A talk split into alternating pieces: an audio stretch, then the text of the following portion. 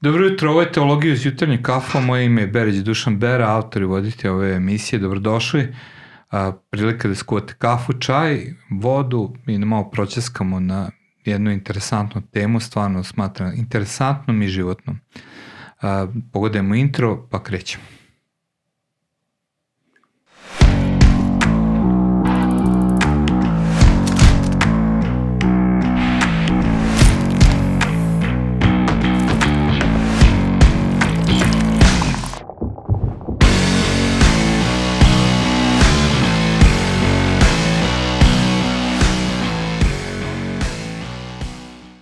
Teologija iz jutarnje kafu je emisija koja ima za cilj da približi teme iz duhovnosti i teologije nekom svakodnevnom životu, svakodnevnim razgovorima između dva prijatelja, nekom normalnom kontekstu ćaskanja i razgovora, a današnja tema nije toliko teološka, ali je svakako životna i neka želja nam je da sagledamo celu tu priču i sa stanovišta Biblije, ali i sa stanovišta nekog praktičnog iskustva. Sa mnom je uh, a, moj dragi prijatelj Dragan a, Rada, Rada, sad sam zablokirao. Radanović. Jesi Radanović ili Radovanović? Razmišljam, nemoj da kažeš Radovanović i onda odem na urad i blokada.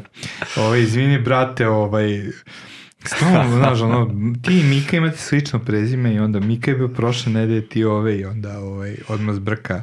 Pogotovo ra, Raleta i mene stalno mešaju. E, pa da, pa to je, meni problem, ono, kad pišem na fejsu negde, da ne promašim jednog od vas dvoje. ovaj, Opušteno. Je buk, koliko, dva slova je razlika u prezimenu? Nisam brojao, ali jednom sam bio u policiji osiguranja Radovanović, mm -hmm. u vozačkoj je Radović, a u ličnoj karti Radanović. Mm -hmm. Tako da... Moje je toliko komplikovano prezime da ili ga zbrkaju, ali ne, ne ono, za, samo zašto ne mogu da čuju, ovaj, ne čuju tačno kako ja kažem i onda Berić, to je najteža, ovaj, najlakša greška. Ne mogu da prihvate, postoje prezime u Srbiji koje nije Neić i onda kako se bere Đi, ne, Đi se ne završa Berić i to već nekako ide. U svakom slučaju dobrodošao. Ovaj, hvala, hvala na pozivu. Da. Ovaj, meni je drago da si tu uh, i da ćemo pričati na temu uh, a naša tema je kako se oporaviti od negativnog ili lošeg seksualnog iskustva, što je značajna tema, mi pričamo na temu teologije seksualnosti, ali pri toga bih volio da čujem prvo tebe, to svakog gosta tražim da se predstavi i da ovaj, kaže kako je uopšte upoznao Hristo, dakle, u hrišćanskoj priči. Pa ja kad sam imao neke tri godine, moj mm. stari brat se udavio u Dunavu mm. i to je wow jako loše uticalo na moje roditelje. Mama je dobila nervni slom, oboje su dobili šećernu bolest i onda su oni mene, da bi me sačuvali od sličnog iskustva, držali u nekoj vrsti kućnog pritvora. Vozili su me u školu, dovozili iz škole, nikad nisam mogao da idem na ekskurziju, nikad u bioskop sa drugarima. jednom sam pobegao na klizanje, pa je tata došao i vratio me, kao je si normalan, ono, možda slomiš nogu i tako. Tako da kad sam došao u tineđerske godine, ja sam bio veoma buntovan mm. zbog toga i da bi pokazao kako sam o, jak i, i ono pravi baja, što bi se reklo, o, krenuo sam da, da pijem i pušim i u to vreme je punk bio popularan. Mm. I onda sam upoznao te neke pankere na ulici i to je bilo, o, to je bio jako loš spoj. Vremenom sam se navukao na alkohol i nekoliko godina sam baš bio duboko u tome. Međutim, istovremeno je krenulo neko mini probuđenje među tim pankjerima i jedan od njih, ja sam ga video bez kožne jakne, normalna frizura, a, sredio se skroz i ja kažem, to je bio Ćaga. Mm -hmm. Ja mu kažem, šta je bilo s tobom? Kažem, pa ja sam sreo Isusa Hrista, on je promenio moj život. Mm -hmm. Ja sam pomislio, preko jedan čovek, ono, bio u jednom ekstremu, sad ide u drugi, znaš. Međutim, razgovarali smo jedno dva sata i Ćaga mi je rekao ovo, kaže, vidi brad, ne moraš ništa da veruješ od ovog što ti ja pričam, ali kad dođeš u nevolju, pomoli se i vidjet ćeš da će ti Bog pomoći. I stvarno, nakon nekoliko godina ja sam došao u totalno slepu ulicu života. Više nisam znao gde da se okrenem. Odnos sa roditeljima katastrofa. Šta god bih uh, uzeo da, pokušao da radim, to bi propalo. Kao da sam bio proklet. Mm -hmm. I onda sam se, i bio sam pijan dok sam se molio i, i Međutim, nakon tri dana toliko je bilo pod navodnicima slučajnosti da sam ja shvatio ovo je nemoguće da bude slučajno. I to je bio ključni moment kada sam ja poverovao u Boga i u period od februara 90. pa do 30. septembra sam se krstio. Mm -hmm. Bog Koliko si imao godina tada? 22. 22. Bog me oslobodio od uh, alkohola, cigareta, uh, štetnog ponašanja, promiskuitetnog i, i gomile stvari koje idu uz, uz, uz taj način života, tako da ja sam se osvrnuo nazad i osvrtao se i, i gledao i mislio šta je ovo čoveč, ovo nisam ja. Nemoguće da, da ja sam toliko hoću da se promenim pa uspem. Tako da to je, to je neka moja super, priča. Super. A ono što meni je uvek interesantno, ok, znači ljudi kažu hrišćanstvo ti dođe kao neka štaka kada nađeš se u krizi pa ti pomogne da izađeš iz te krize, ali nije nešto životno. Međutim, kod tebe je to životno iskustvo, nešto što traje sa koliko, skoro 30, 30 godina, da. 33. 33 godine. Zašto? Ka, otkud ti nije dosadio, otkud nije ono, postoje još jedna faza u tvojom životu koju si prerastao? Da, pa uh, bile su krize, imao sam nekoliko kriza vere, gde misliš pa možda sam ja to umislio neke stvari i tako dalje. Međutim, uh, najbolje poređenje mi je kao da recimo pre Hrista sam čeprkao po kontejneru i ono što nađeš tamo to jedeš. Međutim, kad dođeš kod Boga, to je bogata gozba. Mm. I onda ti ovo smeće u kom si bio pre prosto više nije privlačno.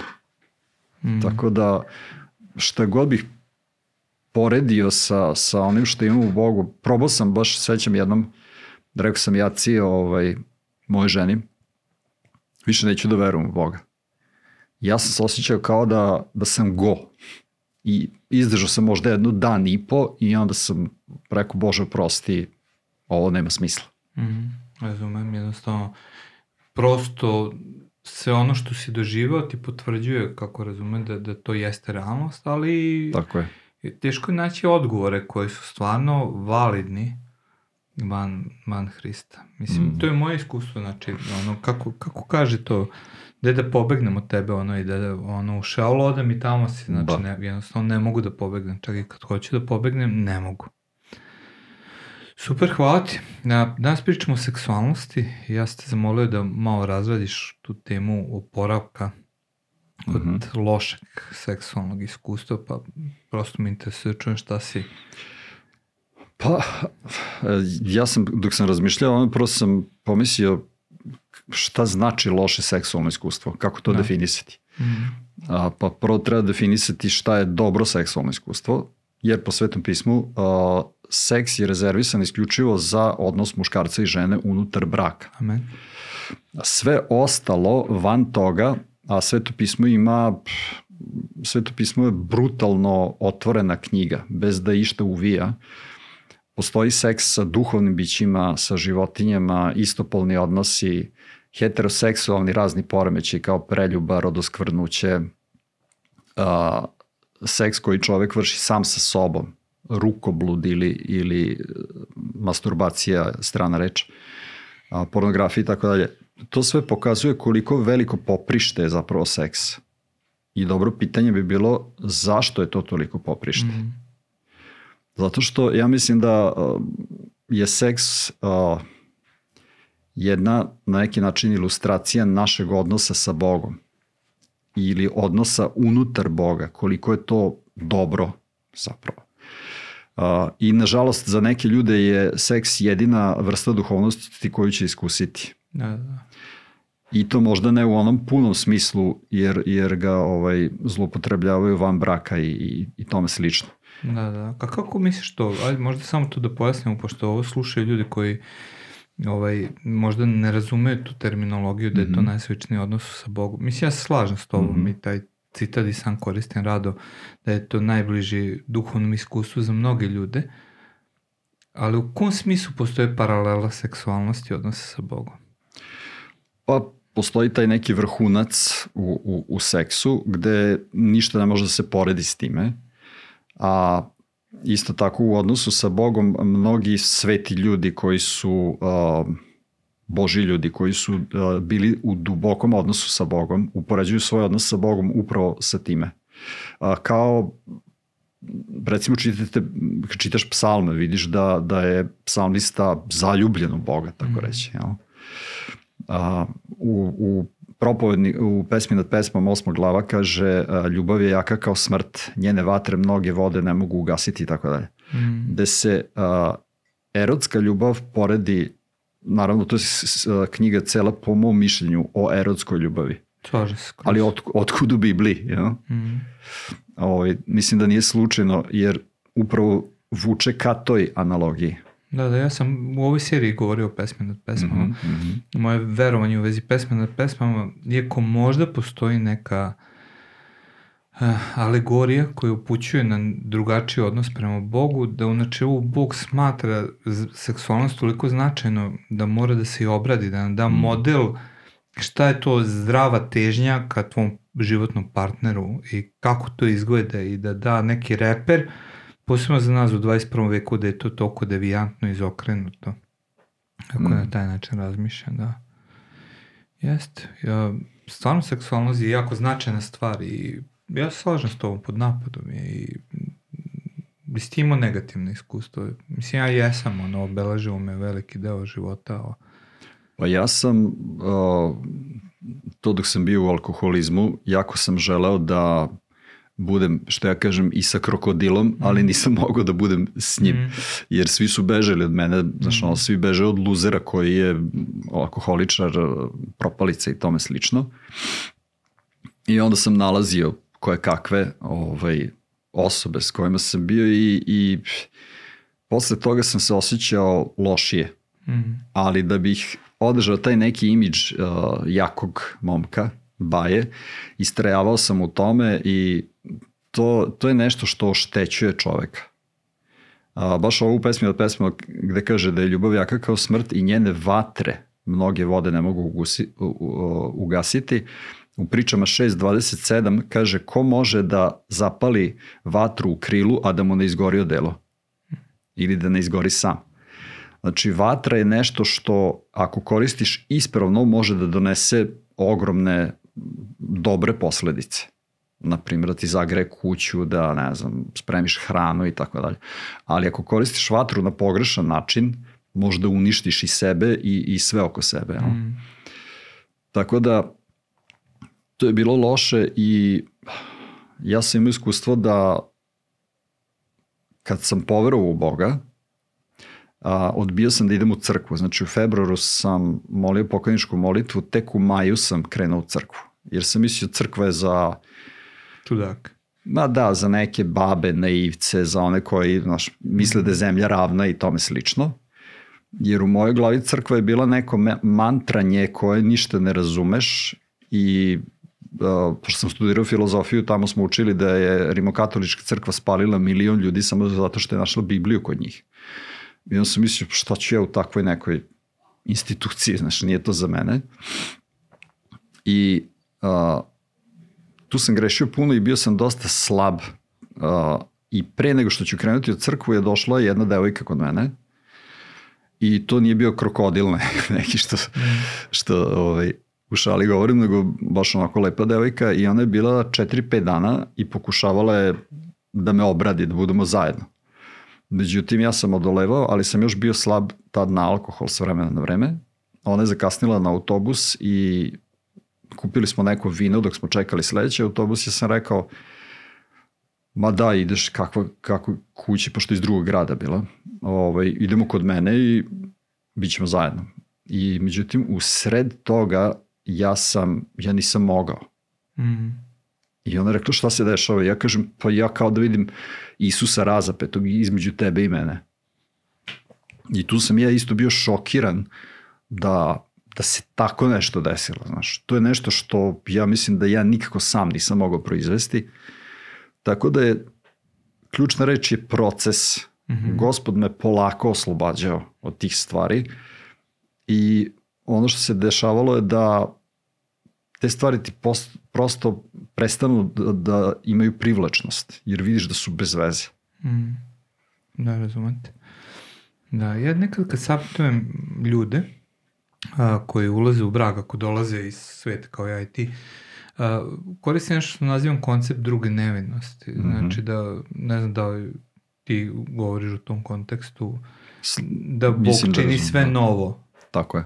Da, mislim da je to jako značajno u tom oporavku, jer svašta činimo, ali kako nam je Hristos oprostio, oprostio nam je sve što smo činili.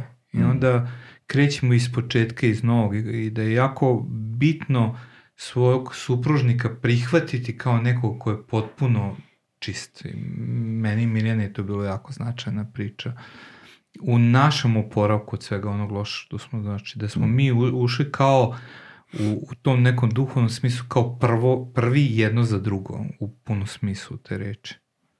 Apsolutno se slažem, pogotovo što po Božoj milosti smo spašeni i ne mhm. zaslužujemo o, ništa, pa ni da imamo supružnika. Ja? Mm, tako je, tako je. Da. Jednostavno ono što je prošlo zaoprošteno, pa je oprošteno. Jednostavno to je bilo kako kaže sveto pismo, kako u Hristu novo je stvorenje, novo je nastalo, staro Tako je nestalo. Tako Jednostavno, je. ako je nestalo drugo, nestalo i ovo iz mog života. To sam bio ja, ali više nisam. Da. Mm. I koje ovako ti savete smatraš značajnim u toj priči o poravka od... Pa da, ono što, bih, što mislim da je česta greška je da ljudi pokušavaju nekako da ne rade loše stvari i onda ih urade mm. i onda se osjećaju loše i onda misle da ih je Bog odbacio i tako dalje. Mislim, uh, svi smo prošli ili prolazimo tu fazu. Uh, ono što bih ja rekao, sviđa mi se ilustracija sa bocom. Ako mm. zamislimo recimo da je vazduh nešto loše, a da je voda nešto dobro. I ja ako pokušavam da iz te boce izvučem vazduh na bilo koji način sa nekim vakumima, špricevima, vazduh će naći svoj, svoj put. Put nazad. Da. I, I ponovo će ispuniti bocu. Mnogo jednostavnije da se u bocu naspe voda. Mm. I onda vazduh automatski izlazi. Znači, tražiti Boga i, i Božju prisutnost, osvetljavati se Bogom, kao recimo neke vrste raka koje se leče zračenjem tako sebe staviti u Božju prisutnost i ozračiti u tom pozitivnom smislu sebe i onda će taj loš vazduh izaći i ono što je dobro će, će ovaj, mm. imati svoje mesto. Ako je neko bezbračan, a imao je recimo loše seksualno iskustvo, prva stvar koja se čini očiglednom, ali je vredi spomenuti, je da se uzdržava. Da. Znači da živi u celibatu, da ne bi pogoršao svoje stanje. Uh, Druga stvar koju bih ja savjetovao je, uh, u jednoj knjizi sam pročitao propoveda evanđelje svima, a pre svega sebi. Mm. I mislim da mi treba da sami sebi propovedamo evanđelje svaki dan. E sad šta je evanđelje? Pa, ajde da uprostimo stvari. Evanđelje ima dva dela. Evanđelje je prvo loša vest. I to je jako važno da shvatimo. Loša vest u smislu da svako jutro ja kad se probudim i pogledam osobu u ogledalu koju vidim, ta osoba je najveći neprijatelj mom ličnom napretku. Znači, ne smem da imam romansiranu verziju sebi, da sam ja neki dobar, da sam ne, ja sam neko u koga, što kaže jedan deda, ja ću imati poverenje u svoje telo tek četvrti dan nakon smrti. dobro, dobro misl. Ovaj, tako da, znači, počinje se tim sa, sa lošom vešću da sam ja moj najveći neprijatelj, međutim, Bog me prihvata tako kakav jesam, što kaže uh, Dallas Willard, uh, tuš dolazi posle zagrljaja, kao priča ona o izgubljenom sinu. Mm. On kada, je do, kada se vratio ocu, uh, smrdao je na svinje, bio je prljav, međutim, prvo što je otac uradio je da ga je da zagrljao. Da tek posle ide tuširanje. Mm, kao čišćenje. Da. Da si. Znači, iako sam ja, a, a, radim nekad stvari koje su u korist moje štete, Bog to zna, Bog nije iznenađen i Bog mi prihvata tako kakav ja sam i nema osude. Mm. I to je možda ona šarka oko koje se okreće cela priča u Rimljanima 8.1, nakon što u prvih 8 poglavlja, 7 poglavlja apostol Pavle izlaže evanđelje, A 8.1 kaže, stoga više nema nikakve osude onima koji su Hristu Isusu. Mm. Jer osuda je veoma negativno osjećanje iz kojeg, ja mislim, ne proizilazi ništa dobro. Osuda je zapravo obezvređivanje, a, omalovažavanje, a, čak neka vrsta prezira prema osobi. I kod Boga to nema, ne postoji. Da, da, jako bitna je stvar. Da. Ja kada sam ovaj, znaš, tim prvi danima hrišćanstva, uh, još svugdje je bio po sobi pornografski časopis i ko zna čega, i, ovaj, i znalo bi me izrazito uhvatiti griža savesti u tim nekim padovima, to je stvarno bilo prvi meseci, i tad sam pročitao Rimljanima 8.1. Mm. Znaš, onako, kad prvi, put, prvi put sam čitao Rimljanima i došao do toga i to je bilo kao, o, znači, da. šta piše, nema osude za mene, ali u toj slobodi od osude zapravo sam našao pobedu. Mm. I te kada, kada je prestala osuda, nadamno ja sam imao snagu da se oduprem Tako tom je. destruktivnom načinu ponašanja. Kako god sam bio u osudi, ja sam samo dublje tonuo, znači ono kao vrtlog me držao, ali bez osude bio sam slobodan. Tako je. Jovan 3, sin mm. čoveči nije došao da osudi svet, nego da se svet njegovim posredstvom spasi. Mm.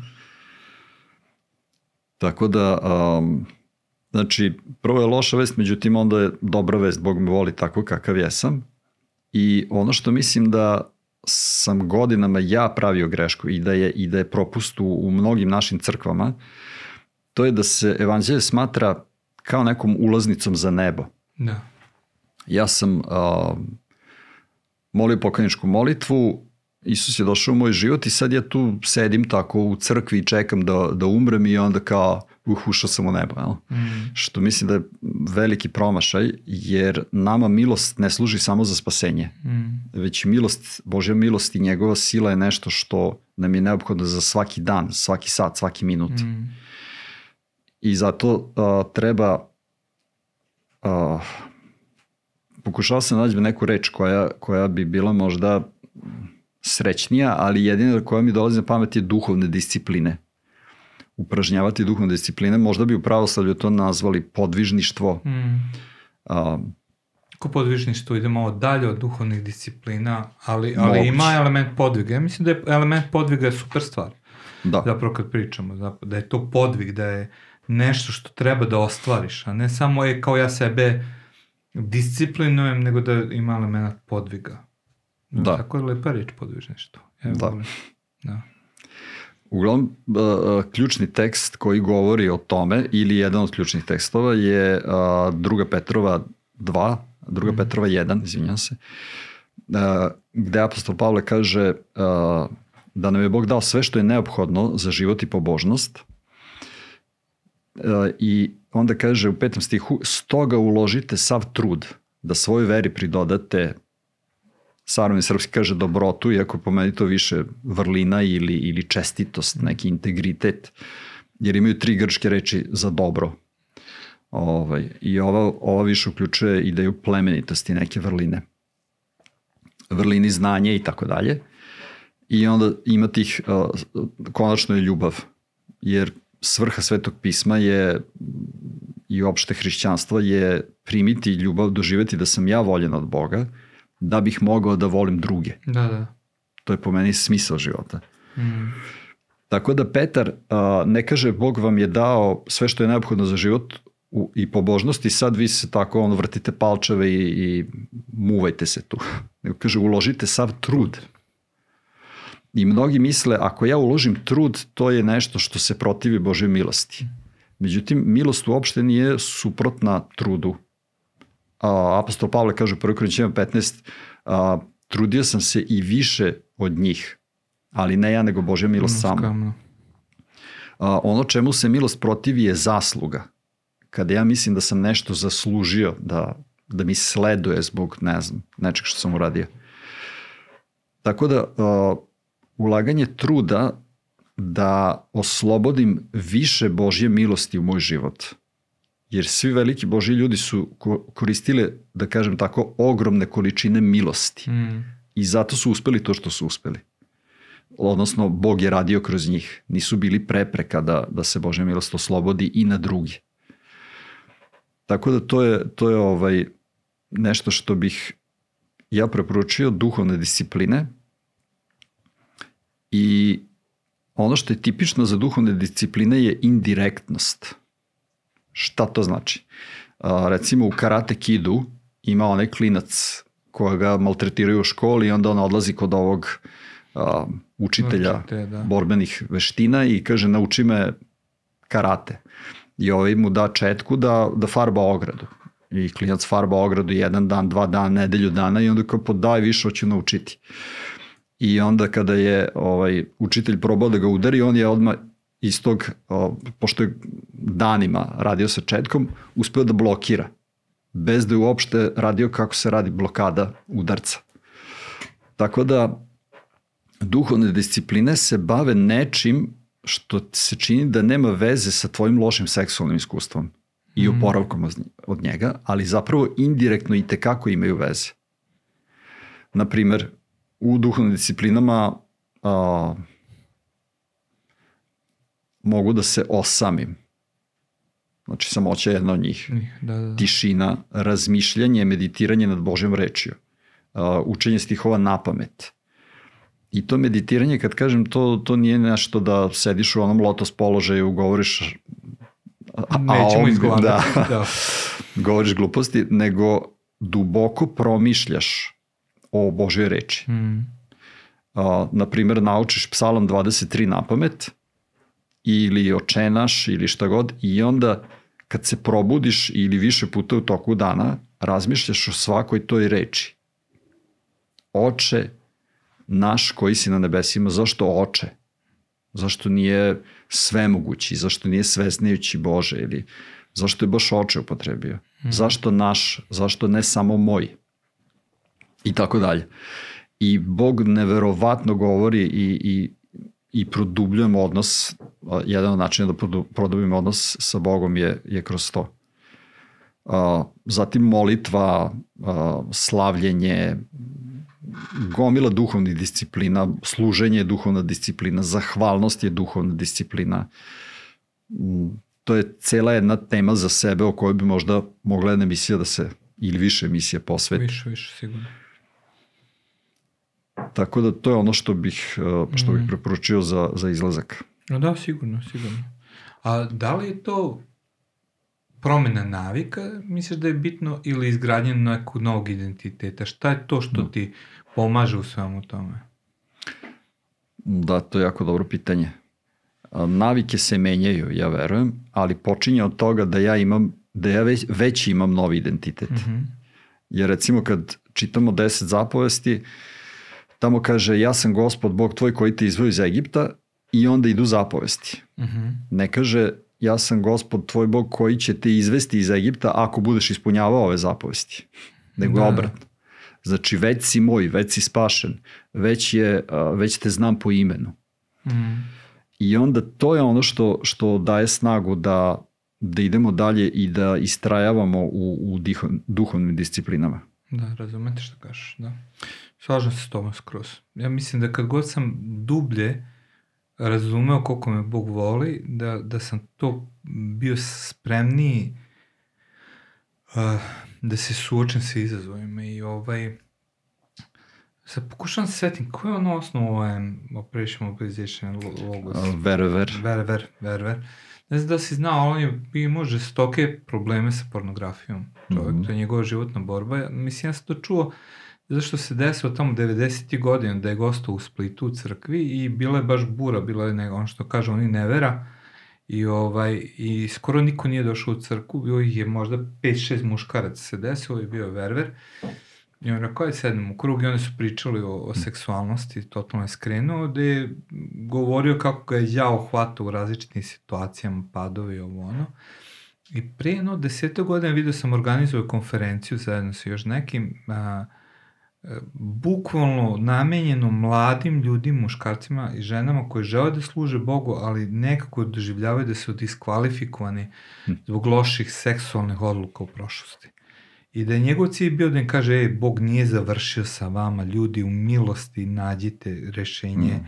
u njemu, što više razumete koliko vas voli, prihvate zapravo vi se sukobljavate, suočavate, rešavate te stvari i možete ono biti upotrebljen zapravo da je, da je ono, cilj svog tog napada bio da ti diskvalifikuje, da ti misliš da ne možeš da budeš nešto, ali zapravo mm. da je Božji plan za sve drugi. I to mi je onako bilo jedno značajno na lekcije kada sam sve to čuo njemu, jer mislim čovjek koji stvarno služi Bogu i služi Bogu i velikog srca, velika borba njegovog života, ali rješenje je bilo u Hristu, u njegove ljubavi. Ako mogu da se nadovežem. Da, da, slobodno, da ovo časkanje. Slika o Bogu, moja slika o Bogu je možda najvažnija stvar mm. u mom životu. Jer većina ili možda čak i svi moji problemi proizilaze iz pogrešne slike o Bogu. A, Pavle kaže Timoteju, u 2. Timoteju 2.1 kaže, a ti sine moj a, se osnaži u milosti koja je u Hristu Isusu. Kako da se osnaži? Pa kad god padnem, tu je milost. Evanđelje je bezbedno okruženje i ja mogu da budem to što jesam. Ne moram da glumim, ne moram da se pretvaram da sam ne, neki ne znam kakav svetac. Jel? Mm. Ili druga Petrova 3.18, ako se ne varam, gde kaže Petar, rastite u milosti i spoznanju gospoda našega i spasitelja Isusa Hrista.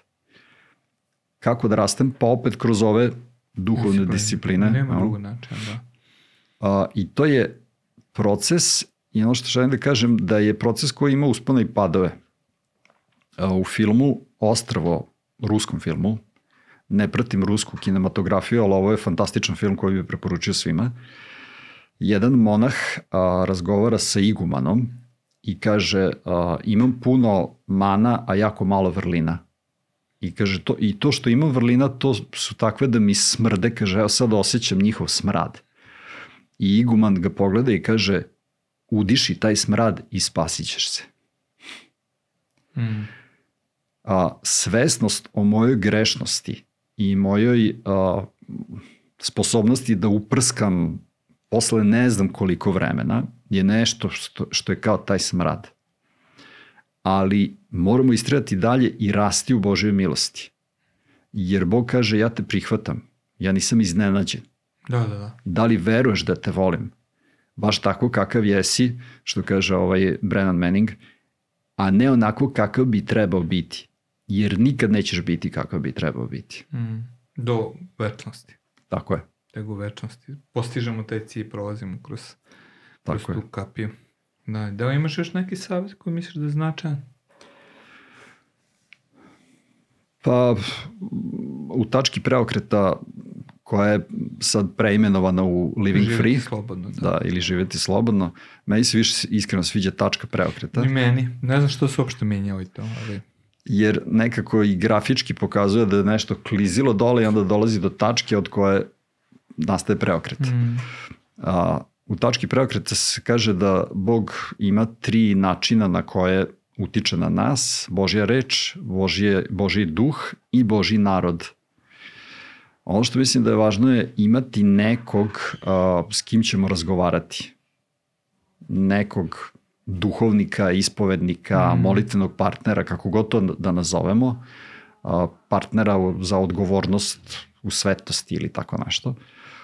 A, I to naravno ne može biti bilo ko treba da osoba ima neku o, da. kilometražu u, u hrišćanstvu, da je osoba od poverenja, a, sa kojom ćemo moći podeliti ono što nas muči i naše padove i, i primiti savet, uh, znači imati bar neko ko će se moliti za, za mene.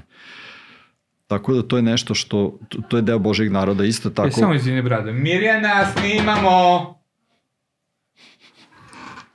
To je bila moja žena. Naravno, ovaj, nije poslušao šta sam rekao da snimam. A, gde sam se ostao? Da ćemo duhovnika koji da, da, da. može da, da govori o naš život i... Ne znam, zbore se. Ali da, tri, znači Bože, Bože, da. Uh, isto tako, uh, dolazak u crkvu. Mnoge stvari možeš naći na YouTube-u i onda mm -hmm. se postaje pitanje, a čemu, čemu služi lokalna crkva? Da, da, da. I ja mislim da YouTube kao neki supermarket gde može da ideš i biraš sam šta ti odgovara, a ovo je, crkva je kao kad dođeš kod nutricioniste koji uradi test, da ti da uradiš test od, ja sam kod nutricionista jedan uradio test od 700 pitanja. Znači, par sati mi je trebalo da uradim i onda mi je rekao, jer sam imao kandidu, i onda mi je rekao, ovo je dijete za tebe, to, to, to i to. I lokalna crkva je nešto što će pomoći da, da raste mi u tome, u oporavku od, od lošeg seksualnog iskustva. A, u psalmu 119 kaže recimo a, objašnjenje tvojih reči daje neukome mudrost ili tako nešto. Mm -hmm. I to ono što, što dobijemo u lokalnoj crkvi. Znači Božja reč, Boži duh i Boži narod. Boži narod.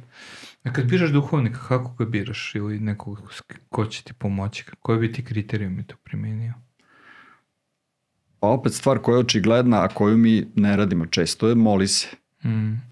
Moli se i Bog će te uh, usmeriti na, na neku osobu. Drugo, ja mislim da osetiš s kim si onom ista frekvencija.